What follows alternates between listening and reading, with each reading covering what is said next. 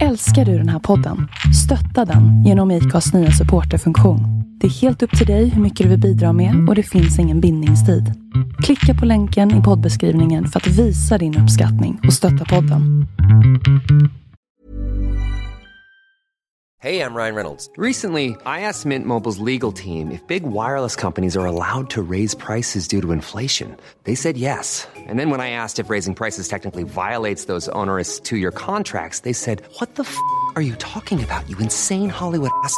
So to recap, we're cutting the price of Mint Unlimited from $30 a month to just $15 a month. Give it a try at mintmobile.com slash switch. $45 upfront for three months plus taxes and fees. Promo rate for new customers for limited time. Unlimited more than 40 gigabytes per month. Slows. Full terms at mintmobile.com. Hey, it's Danny Pellegrino from Everything Iconic. Ready to upgrade your style game without blowing your budget? Check out Quince. They've got all the good stuff shirts and polos, activewear, and fine leather goods, all at 50 to 80% less than other high end brands. And the best part? They're all about safe, ethical, and responsible manufacturing. Get that luxury vibe without the luxury price tag. Hit up quince.com slash upgrade for free shipping and 365 day returns on your next order. That's quince.com slash upgrade.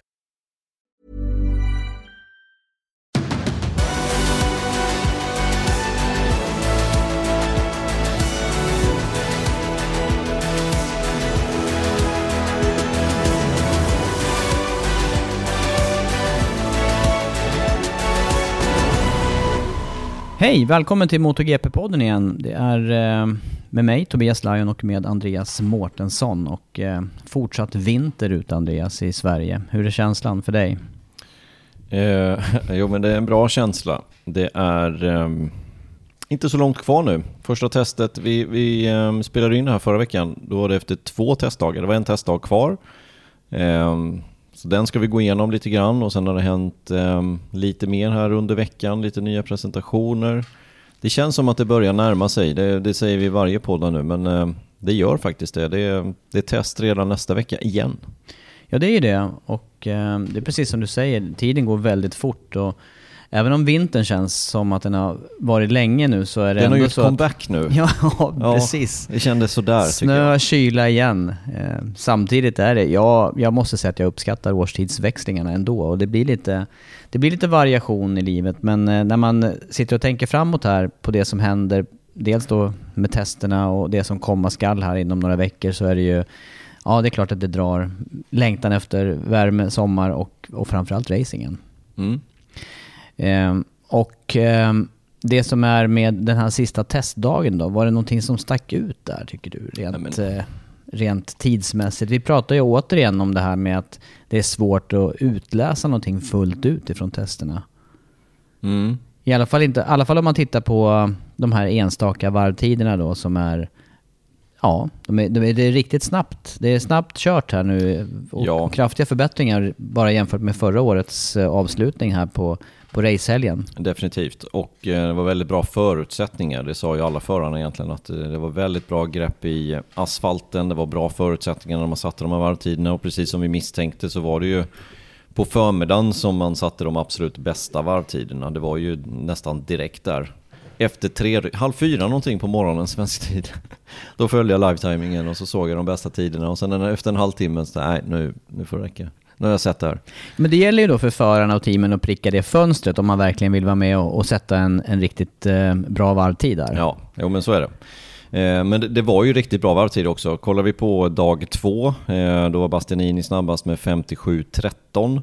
Eh, Och sen då dag tre, då var Banjaya snabbast med 56.62, 68. Eh, 56.682. Så att, ehm, det var några, några tiondelar till.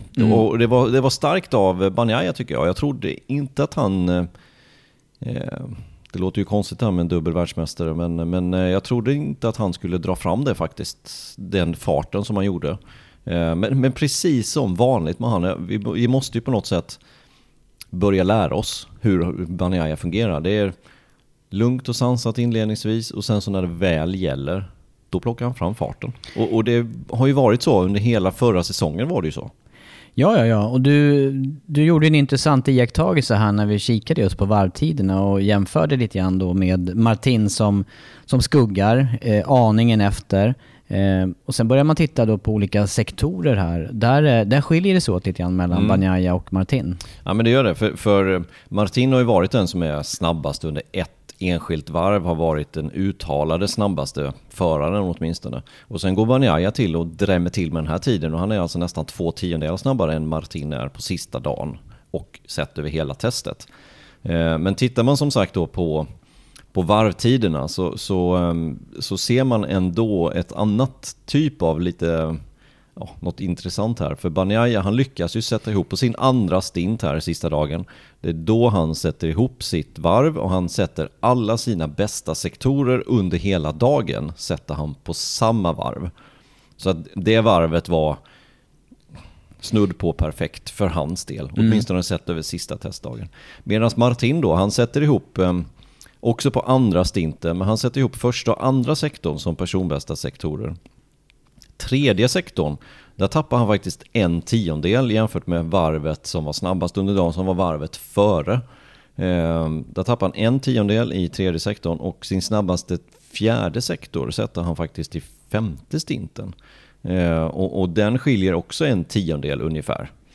Så tittar man på det bästa idealvarvet, för, för på något sätt så, jag tittar ofta på den idealvarvet, för det, för det säger någonting om man sätter ihop sitt varv. Det är en styrka att kunna sätta ihop sina varv, alltså sätta sina bästa sektorer under ett och samma varv, verkligen plocka ut farten när det väl gäller.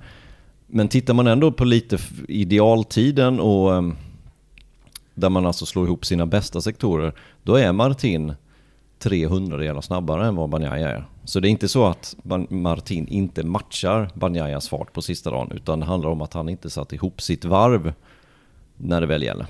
Men är det här någonting som, eh, som är återkommande då just eh, mellan de här förarna? För jag tycker att vi såg det här i framförallt slutet på säsongen också med Martins eh, rena fart och sen små misstag här och där, inga, inga större, men just att, eh, att Banjaya då å andra sidan lyckas vara mer felfri och, och, och samtidigt snabb.